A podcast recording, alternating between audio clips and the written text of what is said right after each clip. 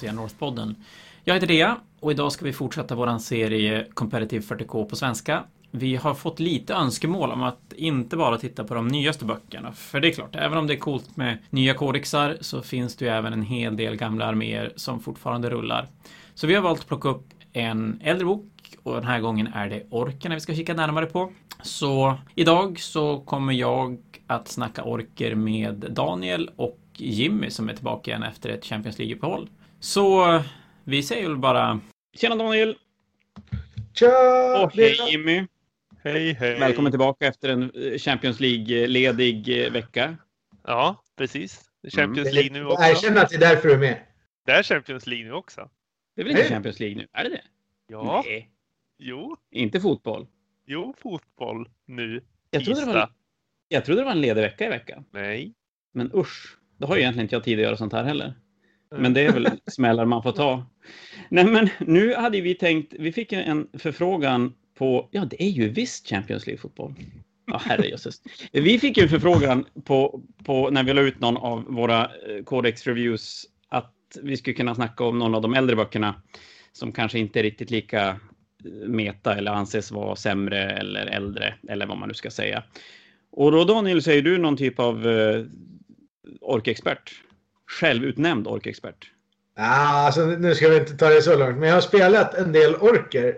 Det var min första armé 1992. Och sen dess har jag väl alltid spelat det lite typ i alla editioner. Men jag, eh, men jag har väl inte... Jag spelade det mycket i slutet på åttonde. För jag spelade det på ETC i slutet på åttonde. Och det är ju samma bok som det är nu. Eh, även om spelet ändrats lite. Det borde ju gå snitsla sig igenom vad som är bra och dåligt i den. hitta något spännande. Rent generellt sett när det kommer till, för nu har vi ju ett par nya böcker och så har vi ett par äldre böcker. Det blir ju väldigt mycket internetsnack om att, eller nu, framförallt nu när det inte är så mycket turneringar som spelas så tycker jag många pratar om tier och vinstprocenter och vilken armé som är sämst och, och sådär. Hur mycket behöver man ta hänsyn till sånt när man bygger sin armé där hemma, när man, eller när man väljer armé där hemma och kanske ska spela även om man spelar i en, ganska stor community, säg att man är 15-20 pers som lirar. Är det så att om man väljer typ, om vi då Orker till exempel, blir det bara sämre? Är man som bara rökt? Eller om man väljer Tau till exempel? Nej, nej det tycker inte jag. Alltså den största utmaningen med de äldre böckerna är att det finns få relevanta builds. Alltså det finns få, Mm. det finns liksom färre bra enheter på något sätt. Kan man tycka. Nu, nu skulle jag börja påstå att det är väldigt otestat. För att vi har ju inte spelat några, någon större mängd turneringar i nionde. Så man vet ju inte riktigt. Det- Alltså bara som ett litet experiment så man, vi kör ju en liten liga i Stockholm med 24 spelare. Uh, och, och de två, första gången vanns den av Harlequins och andra gången så vanns den av Space Marines. Men det var en väldigt udda Space Marine-lista med massa dreadnoughts. Men många av toppborden eller liksom som tog sig vidare var ju senosar. Och i, i ett Space Marine-meta eh, eller vad man ska säga, alltså där folk säger att Space Marines är bäst. Så jag tror, jag tror liksom att man kan nog, eh, man kan nog spela vilken bok man vill. Och så får man bygga sin egen idé om hur den ska spelas. Eh, men det är inget snack om att det finns enheter som sticker ut lite mer än andra. I brahet i alla böcker såklart. Eller liksom poängeffektivitet kanske man ska kalla det för. Ja, för det kan man väl se de nya böckerna är ganska mycket jämnare mellan enheter. Ja, det, eller jag inbillar mig det i alla fall. Det känns så. Jag vet inte, vad säger du Jimmy? Ja, alltså det känns, ja, jag vet inte vad jag ska säga. Jag satt mest och tänkte på orker och då tycker jag de har, alltså styrkan med orker är att de har ju bra troops liksom. De har väldigt bra troopsenheter med boys som, som liksom man kan springa runt med. Det är deras styrka på något sätt. Troops, att troopsen är bra. Ja, eller nej, de är inte så bra. De är många! De är De många! är många. Strength of numbers. Ja. Ja, nej, alltså den, den första myten man tyvärr måste inse när man, eh, om som man måste släppa när man är orkspelare, det är att orker är närstrid. För det är de verkligen inte. Nej, visst är det så att de, de klös inte igenom mycket i närstrid alls? Nej, vi, försöker, ja, vi räknade lite på det och, jag tror inte att det går att få in tillräckligt mycket orker runt en ensam Allarus heter de va? För Ja, eller bara en kunna, ska kunna döda den i närstrid. Ja, men då är man ju för dålig på närstrid. Ja, man är liksom lite för svag. På något Det, det, det kan vi sammanfatta det hela med. Ja. Men om man... Jag Om man jag typ Katachans är bättre än Orker på närstrid. För att de har mindre baser, så man får in fler baser runt en Alarus. Så att jag tror att de har större chans att ihjäl en Alarus i närstrid än, än Orker har. För de har 32 mm baser. Det är deras bane.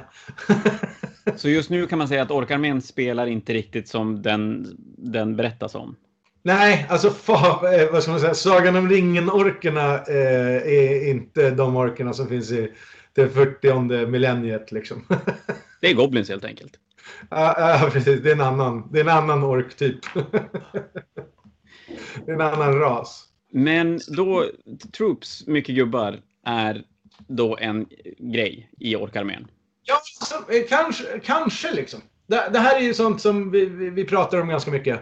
Och så tänker man, jag har nog själv sagt så här, det är för lite boys. Man måste ha 20 boys minst, annars är listan kass. Och kanske är det så. Eller 150 tror jag man kanske till och med vill ha. Kanske är det så, eller så är det inte så. För um, man vinner ju inte på det.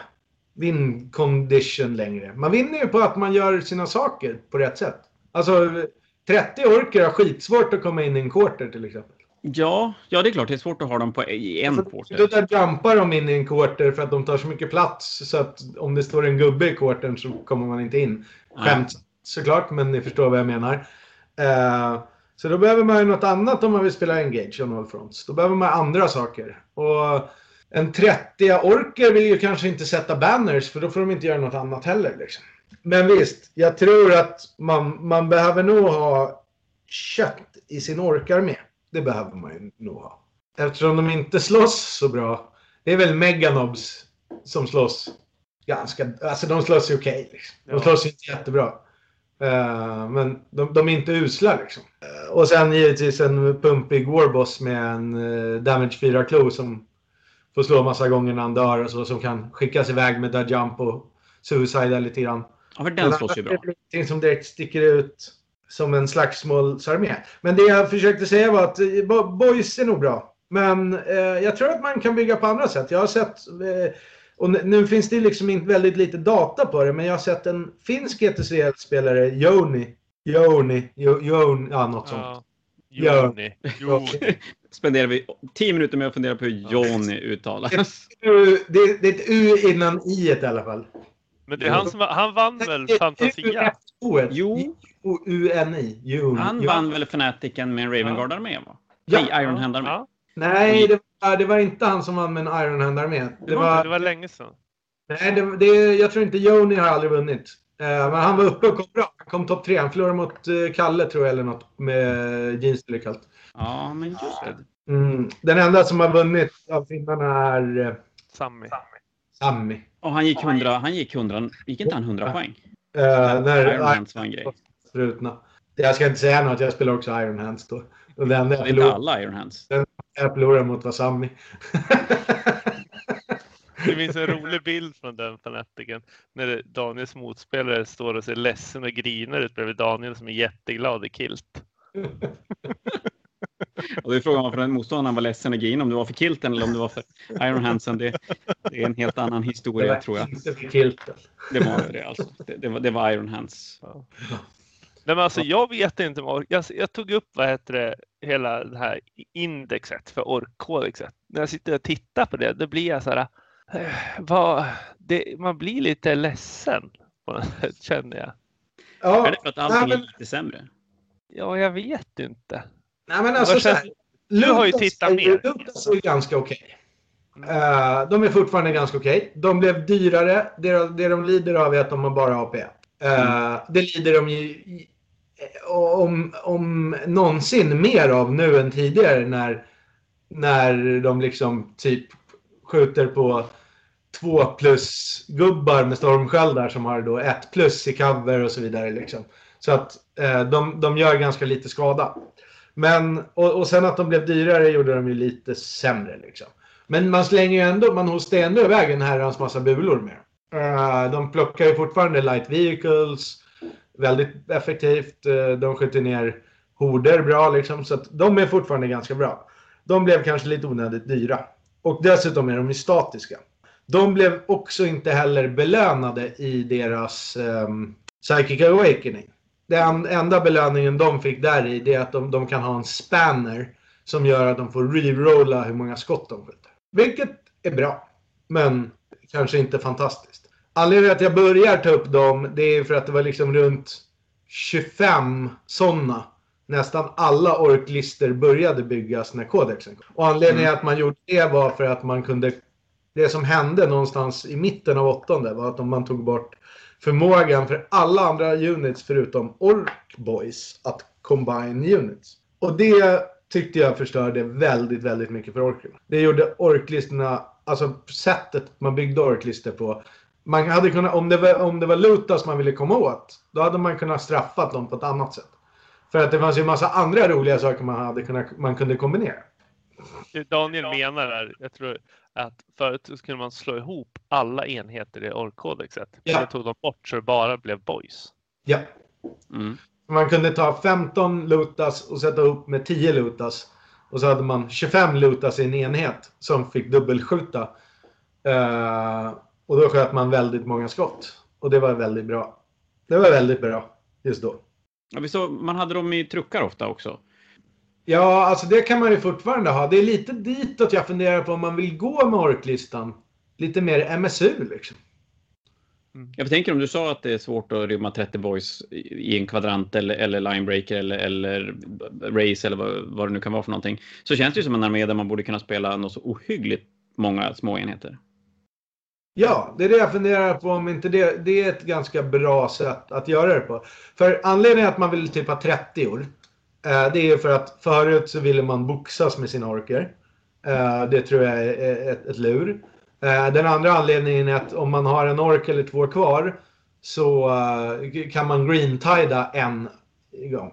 Så då får man ju liksom 28 gratis orker. Typ, mm. uh, det kanske man fortfarande vill ha. Man kanske vill ha ett ankare eller, eller två, tre större enheter fortfarande. Det är nog inte dåligt.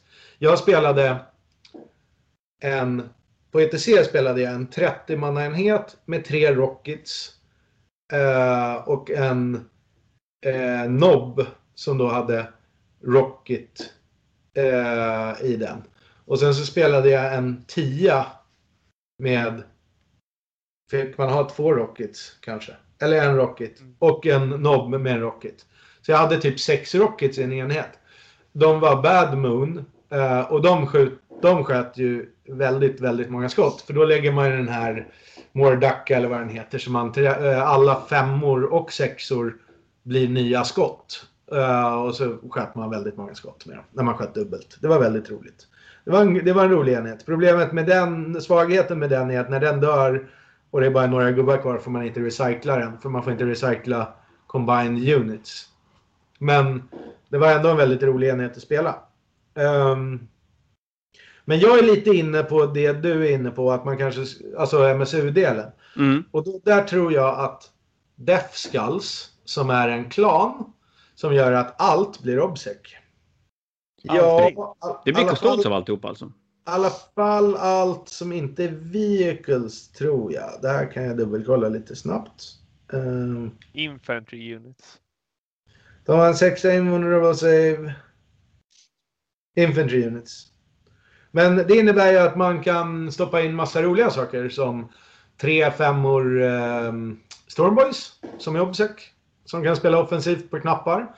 Man kan sätta in 3-5 Commandos som är obsec som kan spela offensivt på knappar och sådär.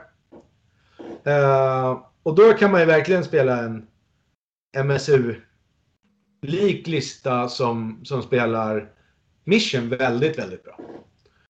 Alltså sekundära missions väldigt bra. Kan man få in någon punchen i listan? För du har sagt vid något tillfälle att det är som bra att, att kunna döda saker ändå. Ja, det, det, tror jag ju att man tyvärr måste kunna. jag tror att kuddkrigslistor som inte dödar något. Det som brukar hända då det är att man själv blir liksom lite svagare och svagare hela tiden. Och motståndaren blir inte svagare och sen så brukar det liksom ta, musten ta slut i runda fyra någonstans. Och sen så släpper man ändå för mycket poäng i 4 och 5 för att, och så förlorar man. Man förlorar kanske inte jättemycket men man förlorar liksom i alla fall. Uh, så att jag tror att man måste sätta in punch. Ja men här finns det väl lite olika. Uh, jag tycker till exempel att Tankbusters är en ganska bra enhet. Särskilt om man kör dem som Death Skull. För då får de uh, reroll to wound mot vehicles tror jag. Uh, så, eller om man kör dem som Bad Moon. Så de får skjuta två gånger. De har också något som heter Bomb Squigs som åtgärdar ett problem som Orker har. Vilket är att man inte träffar så mycket. Bomb Squigs träffar på 2 plus. Men det är en one-use missil. Men de är ganska coola faktiskt. De har också en annan fantastisk fördel. Orker, precis som många andra, har ett stratagem som är att man får kasta hur många granater man vill. Och alla tankbusters har tankbuster-bombs.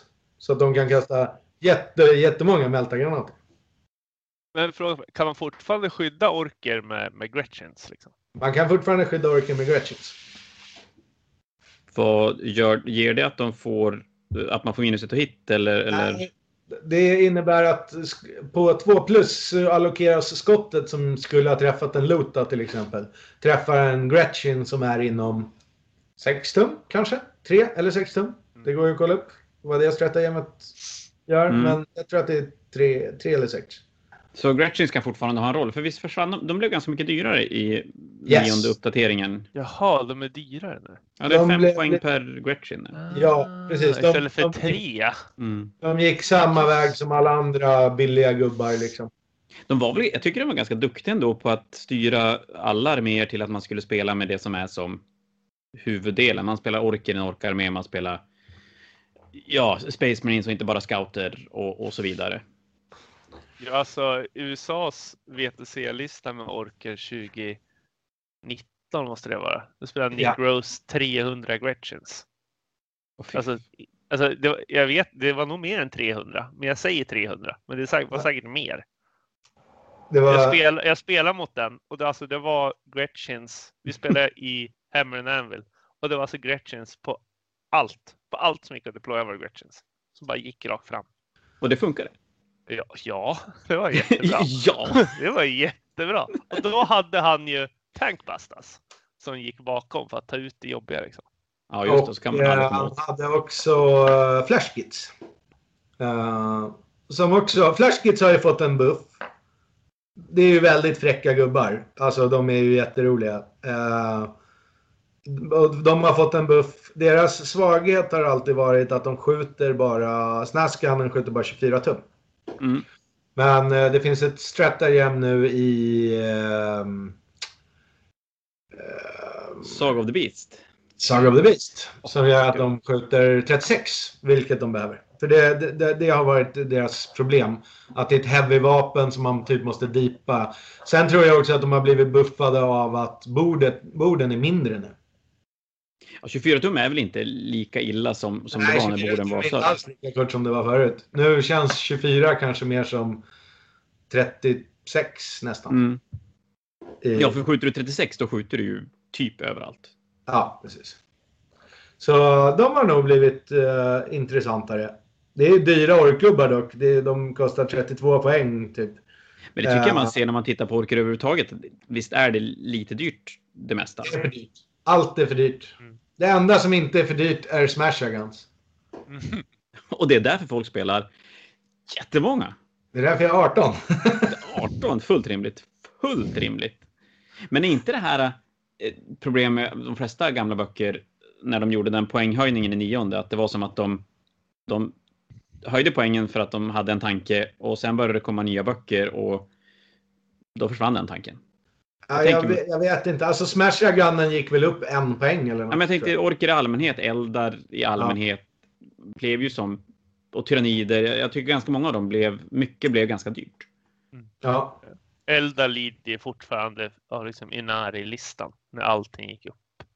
Ja, för de har inte blivit justerad efter Nej, det. De har bara typ plockat bort massa regler. Och... Typ inte. Nej, men um, alltså. Jo, men okej, okay. om, vi, om vi börjar från andra hållet istället. Jo, orker ja, lider av att sakerna är lite för dyra. Man får in för lite saker. Liksom. Jag har byggt ganska många orklister och när jag tycker att de känns riktigt så här, det här är riktigt bra, det här skulle jag verkligen vilja spela. Då ligger de någonstans runt 2250-2300 poäng. Mm. Uh, nu säger jag inte eh, att, att det här är någon sann riktlinje för många av mina andra listor är också på 3000 poäng. Eller 2300 poäng när jag har byggt klart dem. Men eh, någonstans så är till exempel om jag bygger en Space Marine-lista och så bara fan det här känns skitbra liksom. Och så bara ja men det är lite för dyrt. Ja men då tar jag bort en sån här och sen känns den fortfarande riktigt bra liksom. Orker känner jag inte riktigt samma med liksom alla punchenheterna är ganska dyra och det känns som man behöver ganska mycket gubbar som också är dyra. Så en ork kostar ju 7 poäng styck va? Jag tror att det är något sånt ja. Eller om det är mer med nu. 8 poäng. Nej, gud. Oh, jo, 8 poäng för en boy. 8 poäng för en boy. Precis. Herregud. Och Ja, då blir det 240 poäng för en 30, 30 blob. Det är ganska mycket utan poäng. någonting ja. Uh, och så kanske man vill ha några special weapons och så är man uppe i 255 och så vill man ha en klo eller något så man är uppe i 270 poäng. Mm. För 30 eh, beachkillar i t-shirt liksom. I vitt linne. De kan få femma invo. De kan få femma in. Ja. Det, Och det, hade, hade, hade, det här är till exempel en enkel fix på orker. Hade KFF varit units within istället för models within så hade man ju kunnat spela med femma in orker. ja, för då hade du fått in Då hade man ju fått in sina orker. hela armén. Ja, men då hade man ju kunnat femma in. Då hade, då hade man ju inte gnällt på att man har t-shirt save. Men nu måste man ju liksom ha en kille för 65 poäng som springer bakom sina orker. Eh, Och det är ändå svårt att få in 30 orker inom 9 tum liksom. Från honom. Ja, för de har väl stora baser nu också? Ja, de har 32 mm baser så då får man ju liksom... Ja. Så det är svårt. Men alltså jag tycker ändå, jag är ändå inte helt uppgiven på orker och särskilt inte... Särskilt inte om man tänker att man ska bygga en armé som ska spela sin egen match. Liksom. Mm. Uh, ja, ja, alltså det finns ju ingen annan armé nästan som har så mycket skräp som de kan ha för att spela sina missions med. Alltså ta till exempel den här Shock Dragstan. Kostar 90 poäng tror jag. Uh, uh, den finns nu och man, man kan köpa tre sådana i en unit. Och för ett CP kan man ge dem en custom uh, bits. Alltså det, det orkar du kan hitta på vad som helst. Ja, en, en upgrade. Eh, I alla fall. Vilket innebär att varje gång de advansar så teleporterar de. Inte bara när de advansar på något särskilt sätt som det, som det står i datasheeten. Eh, vilket innebär att man kan ju skicka iväg sådana utan problem för att göra engage. Det kommer ju vara omöjligt att förhindra eftersom de, advanced, alltså eftersom de teleporterar dit de ska vara där hela tiden.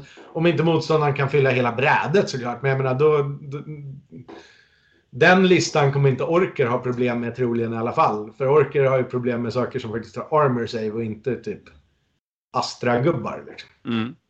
Så istället för att Shock Jump Dragstan går upp på 4 plus så går den av automatiskt. Automatiskt, Så, precis. så det blir ingen gamble. Ja, ja det är Nej, det är bra.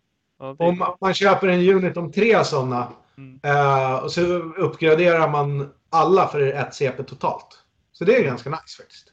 Gör de det hela tiden då, eller vid ett tillfälle? Varje gång du advansar så bara teleporterar plupp, plupp, så är de överallt. Ja, det är klart. Då blir det ju väldigt lätt att hålla sig borta och, och ändå plocka poäng. Ja, precis. Och det är samma med um, Def Koptas. Uh, billig, jättebilliga liksom. Kostar väl ingenting. 25 poäng per modell och så behöver de väl någon form av uh, vapen. Big shoot. Så 35 poäng per modell liksom. Uh, jätteenkla att få in i quarters. Uh, har för mig att de är, de är vehicles. Trist. Jag fick för mig att de var infantry så man till och med kunde göra dem obsec. Men det kan man inte. Oavsett, de är liksom väldigt bra på att spela sina mission och så kan man ha sina eh, commandos och eh, stormboys för att spela eh, scrambler eller sätta flaggor eller sådär liksom. Eh, och det är ju också väldigt billiga enheter. Fem commandos kostar väl 40 poäng liksom. Mm. Eh, man kan vända på det istället så kan man säga så här. Man skulle nog kunna göra en armé som är väldigt, väldigt, väldigt fokuserad på skadeenheter. Bara. Istället för att ta alla de här boysen som inte gör något annat än att stå i vägen. Och sen så kan man ändå stoppa in allt det här billiga för att spela missions. För det kan jag ofta känna typ med Space Marines. Här. Ja, nu måste mina Blade Guard Veterans stanna upp här och sätta ett baner. Liksom. Det var inte alls det de ville göra. De ville advansa rakt fram. För att det är svårt att få in tillräckligt mycket skräp som gör grejerna. Liksom. För en sak som jag tänkte på en secondary också. Mm. Det är till exempel, man har ju sina weird boys på något sätt. Ja, som, de, kan, de kan ju kasta liksom mental interrogation och allt. Den är Ja. liksom när man förhör en karaktär och får... De kan inte misslyckas om Nej, de, exakt. de inom tre, 30 Exakt. år. Och då får man ju tre poäng liksom varje gång den går av. Ja. Och bygger man inte på att dajampa dem för att kunna engagea och grejer, då, då spelar det egentligen ingen roll att man sackar möjligheten att kasta annan magi. Nej, precis. Man kör ju flera, man kör ju kanske två. Mm. Ja. De dör ju så lätt. Ja. Nej, men så jag tror, jag tror, eh, alltså att um, instinktivt så säger jag så här. Kör eh, några punchenheter, kör en smash eh, warboss eller två liksom. Uh, och kör 150 orker, tryck in några KFF. Och ta några smash guns liksom för att täcka upp skyttet. Så har du nog en ganska kompetitiv armé. Fokusera inte så mycket på att du ska boxas, för du kommer inte göra det något bra. Du gör det typ näst sämst i spelet just nu. Liksom. Mm. Eh, utan försök hitta lite skyttegrejer och spela dina uppdrag. Men jag tror att man skulle kunna tänka åt andra hållet istället. Så man tänker så här. Jag tar bara massa dread, death dreads och eh, meganobs och liksom tankbustas och burnas och inte stompasarna utan eh, de andra eh, Gorkamnaut och Morkanaut och sådana saker som faktiskt gör skada. Och Smasha Guns såklart. Ta alltid så mycket Smasha Guns du kan. Förutom på ETC-bord, för då får du aldrig skjuta dem. och satsa på eh, liksom så mycket skada som möjligt. Sen investerar du ganska lite poäng i saker som ska spela dina missions åt dig. Jag tror att det går att spela så också. Och särskilt om du då väljer att, spela typ um, Death Skull. Eh, för då har du ju kanske 30 meganobs som är OPSEC. Och de kommer göra skada. Uh, de, har ju eh, bland annat möjligheten att göra flat 3 skada med sina sågar. Eller D3 plus 1 med sina klor. Uh, så där finns det ju beroende på vad, hur man, vad man vill göra. Eh, och då, då skulle man ju liksom, för man får ju ändå in ganska mycket, alltså om man tänker så här. En 10 tankbustas, det är ändå 10 missiler. Tre, tre träffar, fyra träffar kanske, men kör du Mordacka på dem så blir det liksom eh, mer. Då blir det kanske 5-6 träffar. Har du några bombswigs till det så kanske du är uppe i 7-8 träffar. Det kommer ju döda saker. Det är ändå flat 3-missiler. Eh, liksom. Det kommer ju döda saker. Det kostar 170 poäng kanske. Så det är inte så himla dyrt. Det kan man ju liksom tjonga ner, använda range, ta sig fram och så här. Eh, Deepa eller där jumpa och hålla på. Och, och sätta in liksom, satsa på skadeenheter. Och sen så sätter du 10 Gretchins eller 5 Commandos eller whatever på att hålla knappar och sätta banners och spela scramblers och, Eh, och sådana saker. Och som, ehm, som eh, Jimmy är inne på. Weird Boysen är ju superhjältar. Alltså eftersom de får räkna med hur mycket gubbar de har runt sig så smitar de ju nästan alltid med plus 3. Eh, så det är ganska enkelt att trycka iväg en eller två liksom D6 damage smites. Ehm, så det går ju att göra liksom.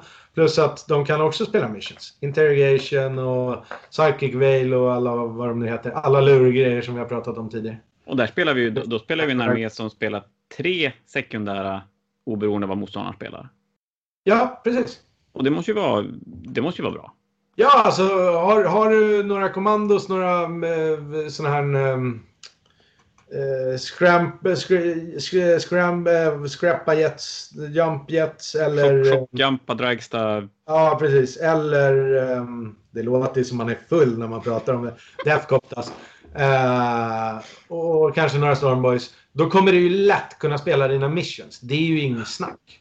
Nej. Alltså, då måste det ju direkt vara usel för att misslyckas. Liksom. Eh, Om du automatiskt teleporterar två sådana där, då har du ju max på engage runda ett. Du, du, du teleporterar en och hoppar med några gubbar, då har eller reservar några, då har du runda två. Alltså du kommer ju kunna spela dina missions med en sån här grej. Och sen så får du väl sätta upp 30 meganobs i mittruinen och säga Kom till mig, det kommer göra ont. Men om man, är, är, nu är flygplanen bra? Jag mötte flygplan i en turnering. Jag tyckte det var ganska fräsigt. Det var något som gjorde Mortal Wounds. Och sånt. De kan autokrascha och göra ont. Ja, jag tycker typ det fräsigaste är att man kan autocrasha. Ja, Eh, jag tror att bombaplanet är helt okej. Burna bomba. okej. Ja. Eh, Det är nog det du mätte. Det gör Mortal Wounds när det flyger över. Och ehm, det är också... Eller Blitzbomber kanske det heter. Jag måste kolla. Det finns så Ja, de många. heter ju massa olika saker. Boom bomb. Twice per battle you can drop a boom bomb.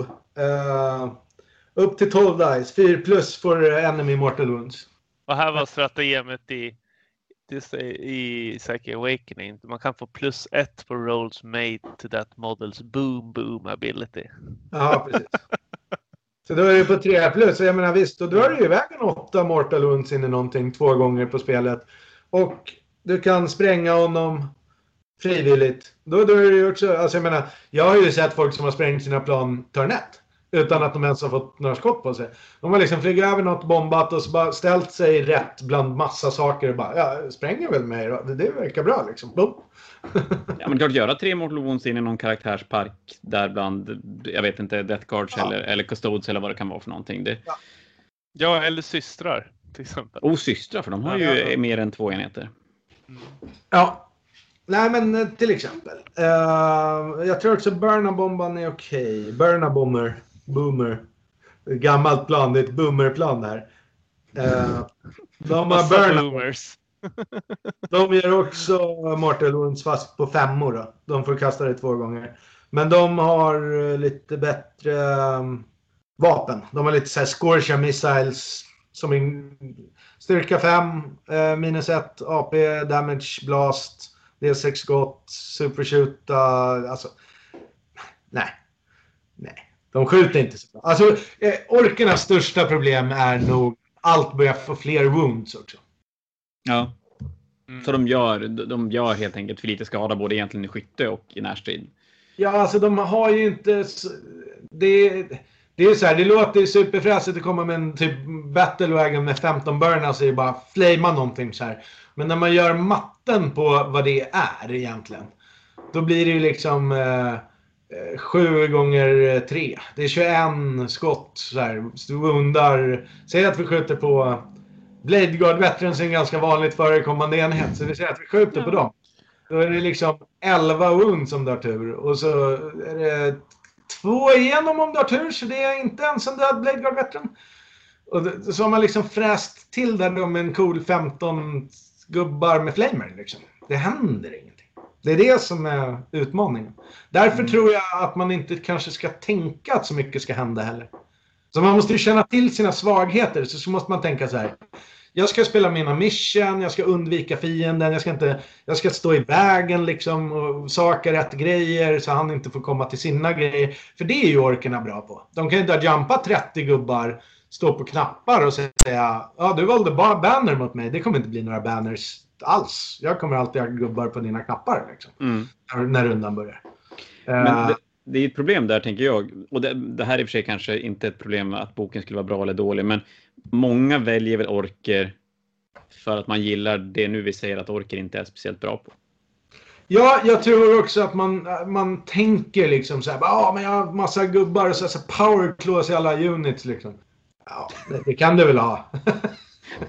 Det, Men man kan även komma som den här killen på senaste Fnatic som kom med massa Morkanat och Golkanat. Det var väl någon ja, som hade det, det? det tror jag faktiskt är på Ja. riktigt en ganska Mm. vettig lista Mm. till och med. Alltså den är nog inte helt ut.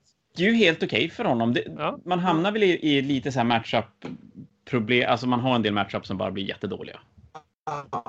Men då är frågan om andra orkar mer nödvändigtvis blir mycket bättre. Nej, precis. Nej, men jag har till exempel funderat på så här, um, Death Dreads med klor tror jag är ganska coolt. Man kan skicka ner en och så får man sätta en 3D, D6 charge och så får man göra D3 mortal wounds och så ehm, får man eh, nya attacker för varje träff eller varje kille som dör. Eh, typ får man nya attacker med stratagem och så här. Så då kan man ju använda lite som gamla Smash Captains. Jag säger inte att de är riktigt lika bra som Smash Captains. Men, för de är inte same liksom, på samma sätt. Men de tål ändå ganska mycket liksom. Um, och om man börjar titta i Forgewell-boken, om vi äventyrar in där, då finns det lite ännu coolare dreads. Mega dreads som får dubbelgå. Då blir de ju väldigt snabba och så här. Och de slår ju ganska hårt. Uh, eller så har, kan de ha inbyggda custom force fields. Så de kan supporta varandra med femma invo och grejer. Så... Jag, alltså grejen är att, eh, vad ska man säga här? Det finns ingenting i boken som gör att man jublar. Så är det. Nej. Nej, för or orkernas dreads reducerar väl inte skada med ett heller? nej, bara, nej. De... alltså dessutom hade orkerna inte fått något av det som är bra. Alltså att nej. flamers skjuter inte längre och sånt där. För det är inte flamers utan det är burnas och mm. alltså sådär. Mm. Men, men det finns ingenting som i boken som gör att man jublar. Men det är väl också lite charmen va? Tänker jag. Jag, jag, kan tycka att det är lite kul, för spelar man, säg att du spelar typ Space Marines, då finns det ju någon sorts facit om vad man borde spela. Just. Vissa enheter som ska vara med och vissa enheter är bättre än andra.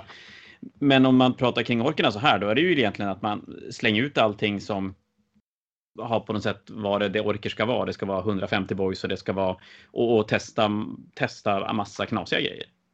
Ja, alltså eh, jag tänker så här om man ställer upp så här.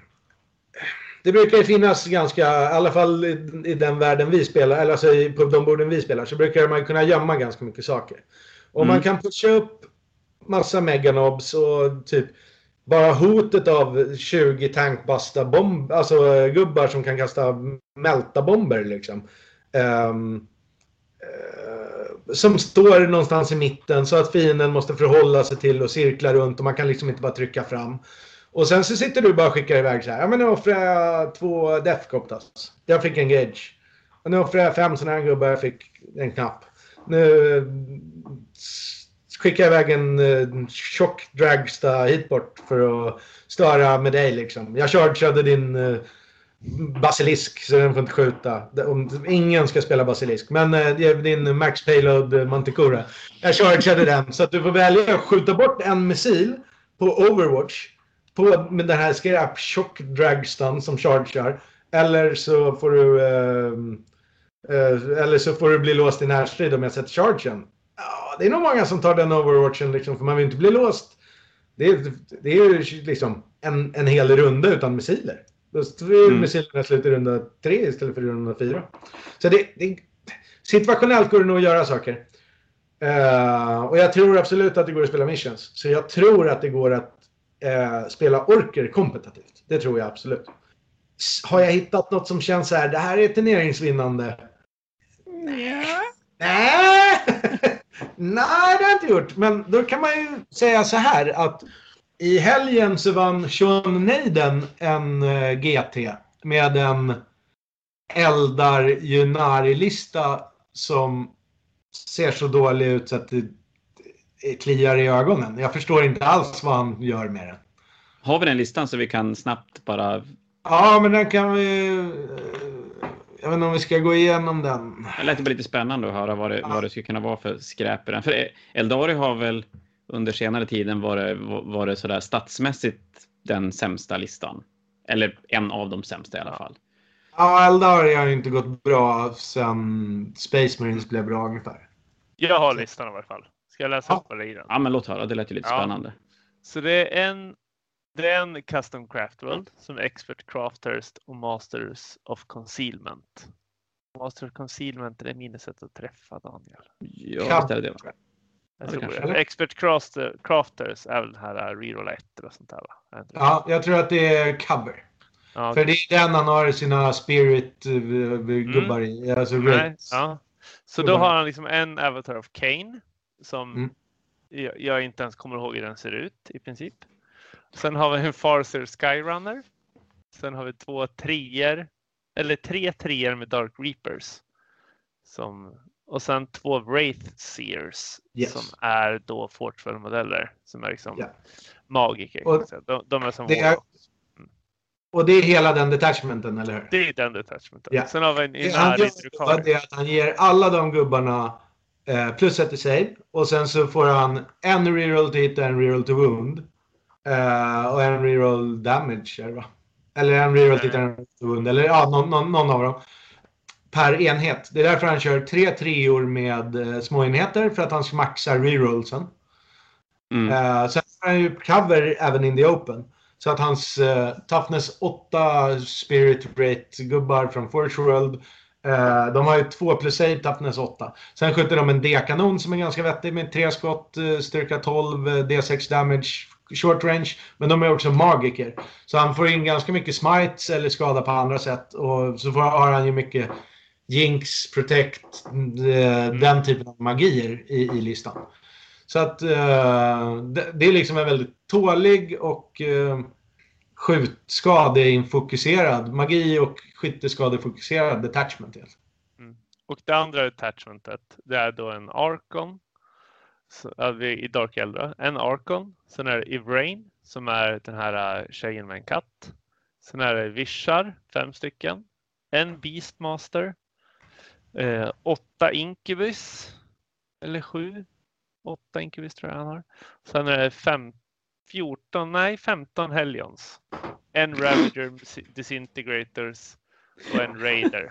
Och sen är det en Racewing Flock, en Racewing Flock, en Racewing Flock och två Urguls. Är det hela armén? Mm, det är hela armén. Så dyrt är Eldar och Dark Eldar spela just de nu. 1200 poäng eller vad? vad? Nej, det är 2000.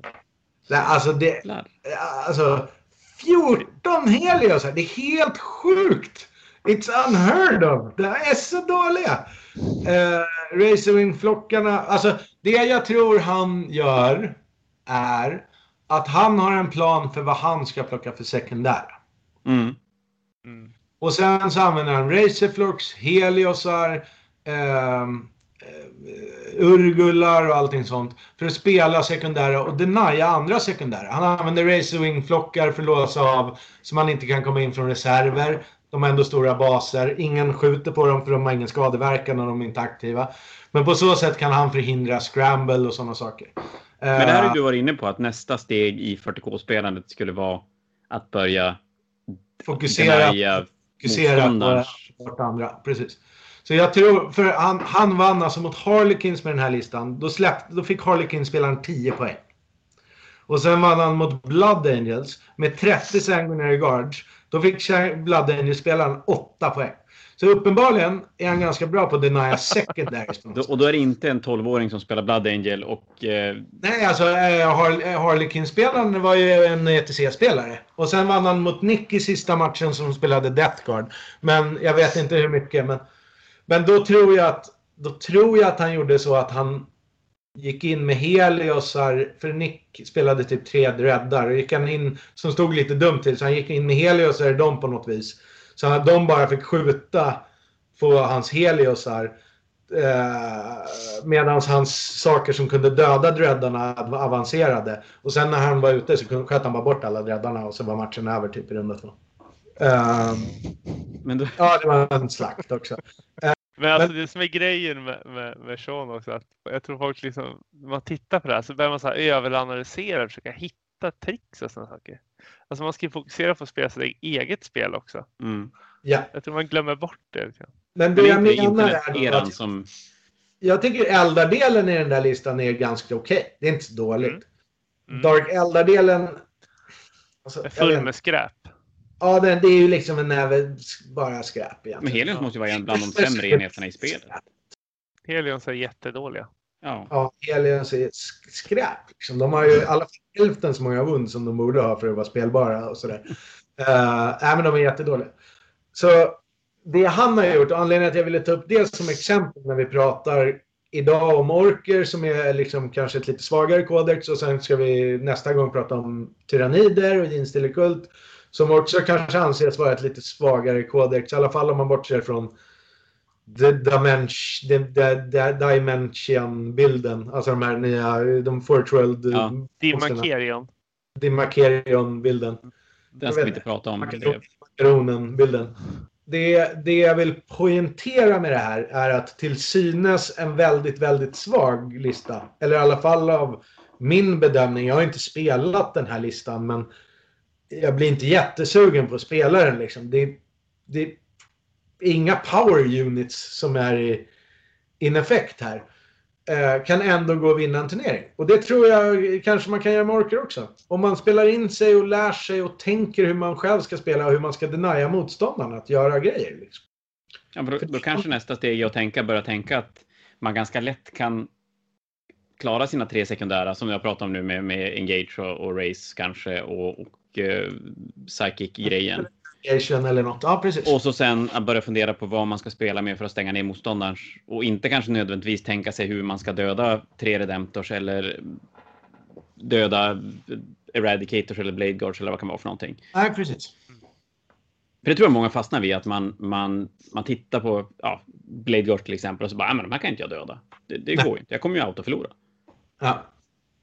Men det är klart, de behöver ju inte dö för att du ska denia ett sekundärt för Space Marine-spelaren. Nej, precis. Och då tror jag att man blir lite mentalt låst. Och så börjar man spela så här. Oj, där kommer den där odödliga saken. Jag börjar backa bakåt och då kan man inte vinna. Då är det kanske det bättre att tänka så här.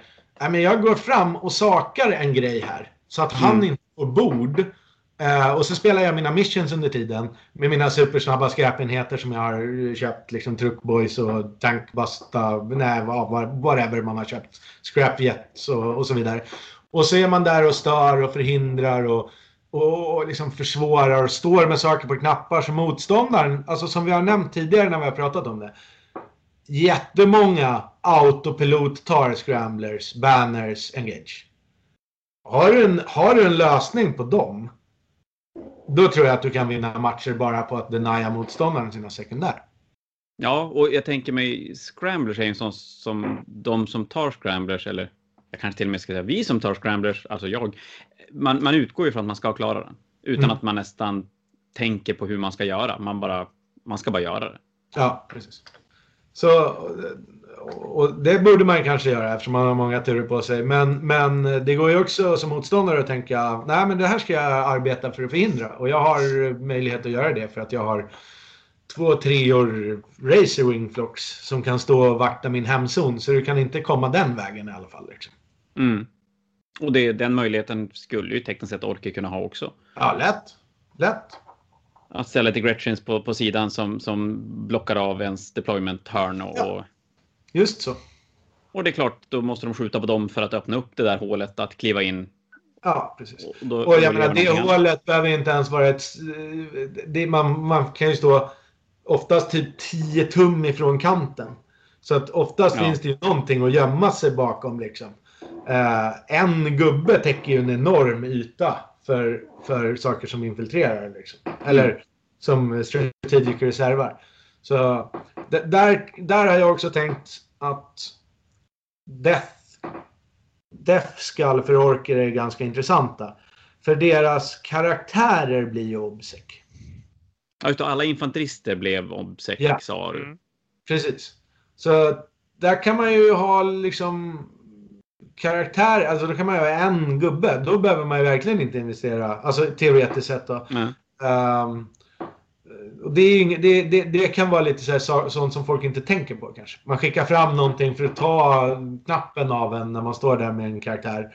Eller man skjuter bort Gretchinsarna som står framför men inte honom. Så ställer man sig där med tre Obsec Ravenwing uh, Outriders liksom. Uh, då förlorar man den för de är Obsec. Ja. Men ni förstår vad jag... De är jättebra och dödar allt.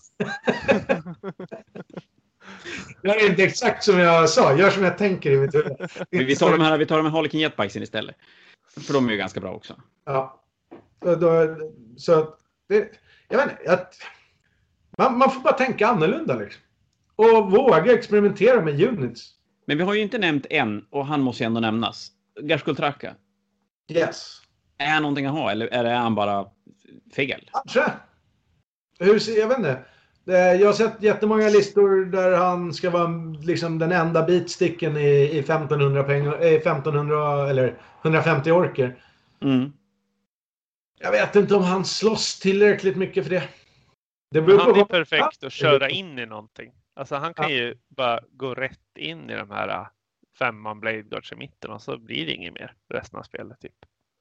Nej. Och så har ni ihjäl saker. Och bara... Så han skulle kunna vara istället för om man inte vill spela Meganob som parkerar i mitten eller något, då skulle man kunna ställa Garskull i mitten Absolut. och så kom i närheten så då, då får ni stå och boxa med mig resten av Den matchen. stora, hans stora problem är att om mitten är en ruin så måste han gå ur runt hela ruinen för att få chargea saker. Men Ja, just det, han är monster. ja. Ja, det är ju lite bökigt. Ja. Men, men visst, alltså eh, om man tänker så här. Ja, men nu ska jag tänka att jag ska satsa lite på fokusera på det här skada och så vidare. Han verkar ju göra mycket skada liksom. Eh, Han blir ju lite så här typ för Tau och kanske delvis för Imperial Guard och, och kanske delvis för typ så här Canoptec Hord Necrons. Så blir han ju lite odödlig också. För man får ju bara göra X-wound i Ja. rundan.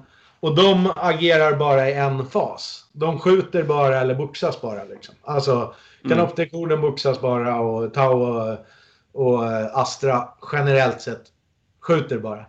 Eh, och då kan man ju supporta honom med en medic som lagar honom lite och sådär. Så då blir han ju helt odödlig. Då, då kommer han ju få tillbaka sina poäng.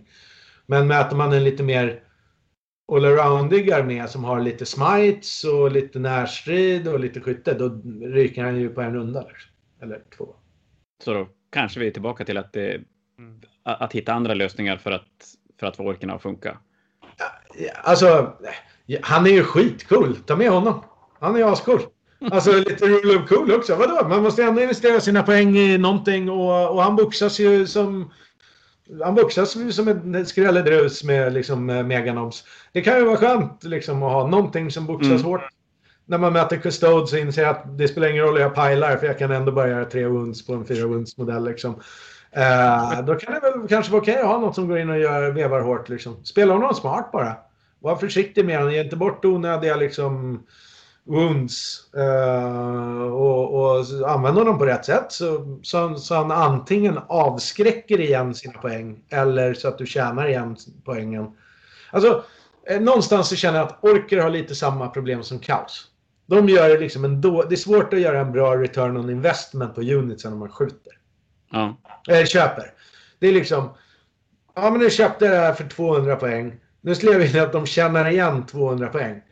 Det är väldigt svårt. Att, det är sällan de gör det. Liksom. Det är typ bara skytteorker som känner igen sina poäng. Smashdragons gör det. Jag tror att om man dipar tankbasta gubbarna på rätt ställe, skjuter eh, på något dyrt så kan man nog ha ihjäl det. Eller liksom hotar med alla tankbombs i hela världen. Då kan du nog göra det. Liksom. Men väldigt få saker tradar bra. Liksom. Alltså Meganobs tradar inte särskilt bra generellt sett. För de har typ inga invo. Eh, så det är liksom ganska dyra närstridsgubbar med tre wounds har de, tror jag va? Så det är kul för orken att de har något med tre wounds. Men, ehm, men de är dyra. Och jag menar, går de in i de här tre wounds. De lär ju dö mot Bladeguard Veterans. Jag har inte gjort matten, men det lär de ju absolut göra. De har inga ingos, liksom. Ja, de har ju inte ihjäl Bladeguardsen, det har de ju inte. Så att, Nej. Även om de står en stund så- Liksom. Så att det är en Bladeguard mot en Bladeguard. Den ena har en fyra invo, det har inte den andra. De har inte fler attacker. De har tre. De har Mm. lite hårdare vapen liksom. Men det har de ju inte. Typ. Inte mot varandra. Den ena hundar på 2 plus, den andra på 3 plus. Men den andra har fyra invo liksom. Och träffar bättre. Nej, de träffar lika bra. men, ja. Ja, nej, men precis. Att det blir, det blir svårt att... Ja, men det blir svårt att gå in och döda motståndaren. Ja, Tänk att man gör det före är motståndaren. lite dåligt liksom. Så antingen att man gör det Jimmy sa från början, kör en hord liksom, eller 150 orker. Kör, kasta upp KFF på dem, stå i vägen, arbeta missions. Eller satsa på hastighet, spela missions. Sätta upp en borg med liksom jobbiga saker som folk inte vill komma åt. Men jag tror generellt sett mest på skyttebaserade orker. Som antingen deepar in, där jumpar fram, står och skjuter med smasher guns och, och tankbastas, lootas kanske. Troligen inte lootas. Jag tror man ska skippa dem. Och sen har man saker som spelar mission åt en hela tiden. Ja, för det blir nästan det viktigaste. Att Ja. spela, spela dina egna missions och, och försök denaja motståndaren så, så mycket du bara kan. I. Ja. Och Alltså, jag tror till exempel så här, har du, har du 30 orker, skit i att chargea. Då får ju motståndaren en extra runda och boxa på dig när de boxar tillbaka. Ställ Mm. dig bara i vägen. Ställ dig en tum i vägen och låt dem chargea liksom. Det är ju lite kontraproduktivt, men om du chargear någonting, då får ju han slå på dig. Då blir du av med gubbar. Ja, är du dålig på slåss då, det ger det ju absolut inget. Ja, man är dålig på slåss på med som orker. Liksom.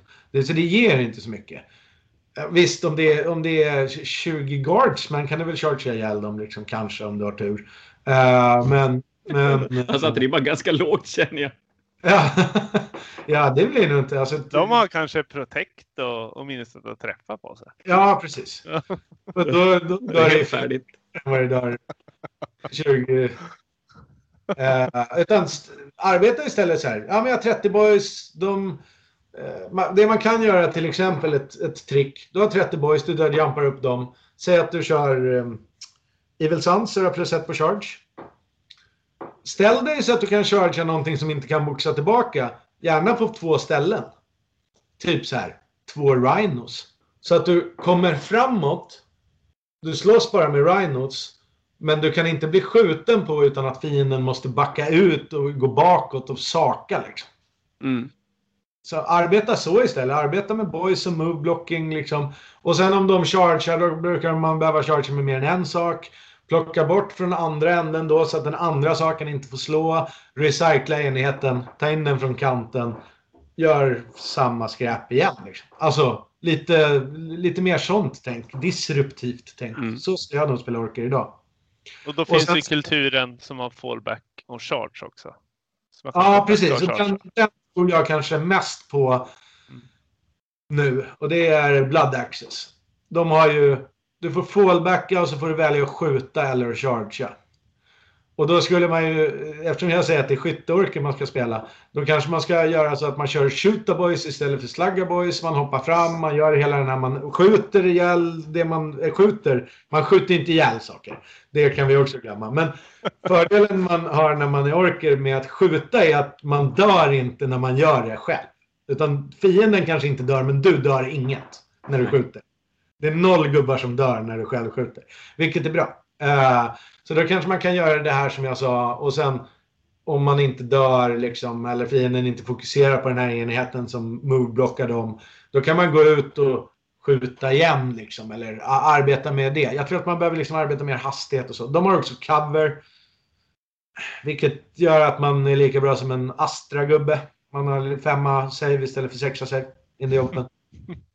Vi har Eh, inte så höga krav då. Så Nej, nej men- det, det har jag kanske inte. Men Det- det, det räddar väl för 50% fler orker mot läskan skott liksom. ja, det gör det ju. Definitivt. Och sen ska man väl säga att som orkspelare, du, det är okej att förlora en del innan du får kläm på hur, hur listan ska rulla. Jag tror, alltså, jag har faktiskt inte spelat Orker 9. Jag har haft det på min agenda att göra. Men jag får inte riktigt till något som jag känner så här, oh, det här, det här skulle jag vilja testa liksom. För det är oftast i det glädjen kommer när man hittar något, i alla fall för mig, när man hittar Mm. något så här, det här känns spännande. Och jag har faktiskt inte tjock, tjock Dragstar, jätten och alltså jag, jag saknar lite av de här andra modellerna liksom. Jag har alla infgubbar och de vanliga truxen och battlewagons och så. här. Men jag Mm. har inte de här trixiga truxen och så. så. Men jag ska väl proxia det någon gång tänkte jag. Köra med lite flybaser bara utan modeller och hoppa runt och se vad man kan göra liksom. För jag, jag tror att det finns något där. Sen tror jag att det är viktigt för orker. För jag tror eftersom orker inte kommer vinna på att de går in och bara mosar ihjäl sin motståndare. Så tror jag att det är extra viktigt för orkerna att de tänker på att de själva inte ska ge bort secondaries. Och hur löser man det? Jag tänker du har en armé som ändå antingen är det Ja, precis. gubbar. Så en anledning varför jag kanske inte är helt såld på den här 150 manna horden egentligen. För då kommer det ge bort, då kommer det ge bort eh, thinner ranks. Mm. Men jag tänker om man spelar den andra varianten med, med bilar och flyg och kommandos och grejer. Ger man inte bara bort döda fler enheter än motståndaren? Döda fler enheter än motståndare låter rimligt att man ger bort. Så, ja, det Men du kanske får leva med att ge bort en? kommer på ett sätt att denia Engage och eh, Scrambler. Ja, och kan man denia dem och tappa en själv, då ligger man ju ändå plus poäng. Gör man. Mm. Så man får kanske tänka sig att man ger bort en i alla fall. Ja. ja men jag, jag tror att man- kan tänka så här. Till exempel om jag säger ta Smash Guns.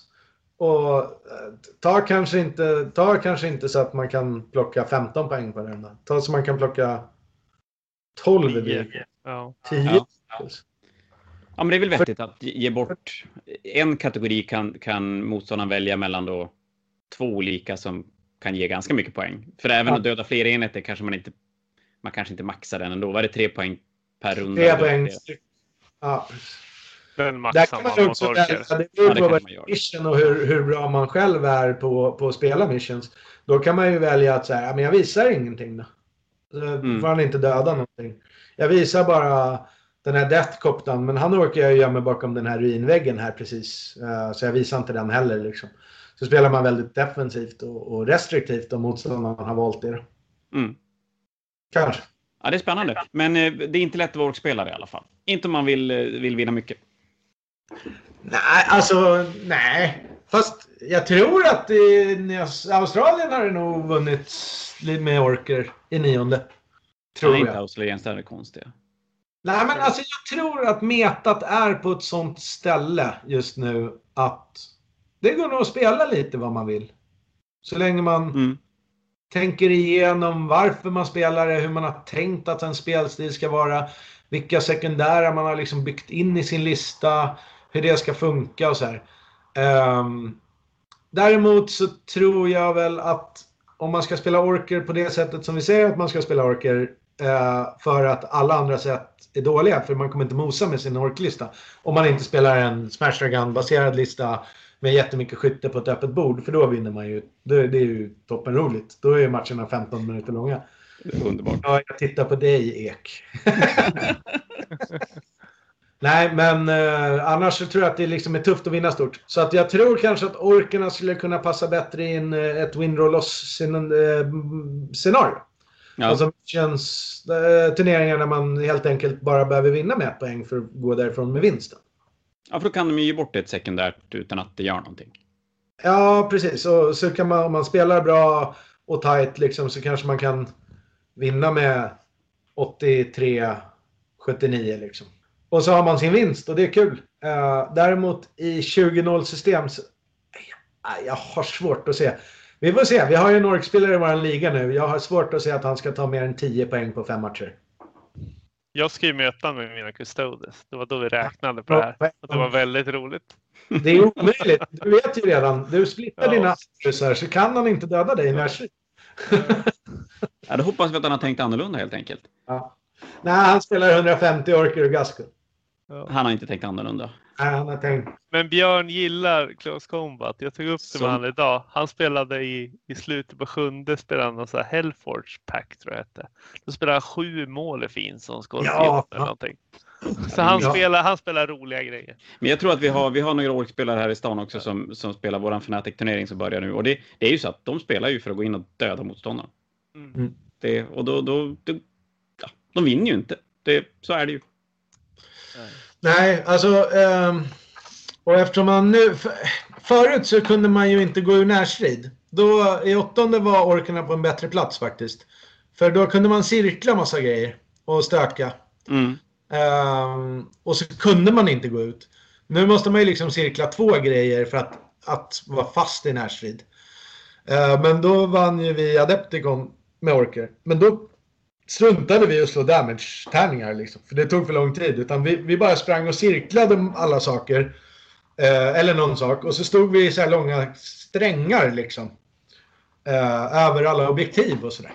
Eh, och det kanske går att göra fortfarande. Om man kan cirkla två saker och så stränga ut till någon knapp. Liksom. Så kan man inte skjuta bort det från knappar och, och när de där... Då måste folk charge in i fler saker och så kan man plocka därifrån och så har man ändå knappen i slutet av sin tur liksom. Så det kanske finns lite tricks sådär man kan göra. Det ändrade coherency-regler och allting nu. Det är Ja. det som är dåligt också. Och att är att man dör liksom. Ja. Men det, Ja, det är tufft. Om man, åker- mm. Ja. Men man får, får- dricka mycket när man spelar orker. Det Det på får man göra, det ingår. Man, måste, man är törstig. Om man får döpa alla sina orker också. Ja. Ja, det finns mycket roligt med orker. Så är det. Ja. Men du, då tycker jag att vi har, har ändå fått beta av den här boken ganska ordentligt. Ja, Och, och förhoppningsvis gett lite nya tankar och idéer till orkspelare att våga testa andra saker och, och eh, se om det kan ge resultat. Och du Daniel får väl återkomma när du har provat krascha flygplan i saker och se vad det, vad det är för bra grejer helt enkelt. får se om det är det som är the shiznits. Oh, ja, men annars så eh, hörs vi nästa vecka och då pratar vi eh, J. Stillerkult och Tyrannider med Kalle då. Det gör vi. Tack för ikväll pojkar! Ha det. Hej då!